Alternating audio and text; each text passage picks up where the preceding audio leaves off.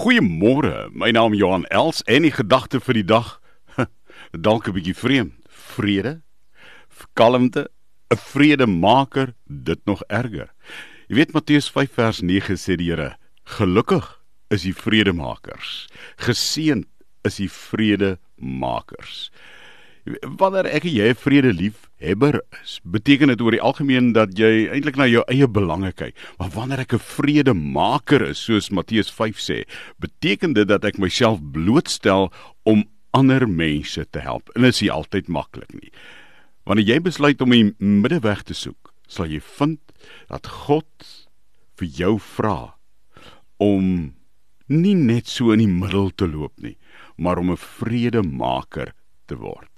En 'n vredemaker vra dat jy jouself gee. Paulus sê vir die mense, daai Italianers in Rome, sover dit vir julle moeilik is en moontlik is, sover dit vir julle moontlik is, moet julle goeie verhoudinge met alle mense handhaaf. Wat van my en jou vandag? Hierdie dag in te gaan. Nou weet jy daar's 'n klomp mense wat iewers op jou toon getrap het of gaan trap of jy op hulle sin en jou hart is swaar. Here, ek vra vandag. Stuur my hierdie dag in en maak my iemand wat 'n vredemaker is. 'n Vredemaker in Jesus se naam.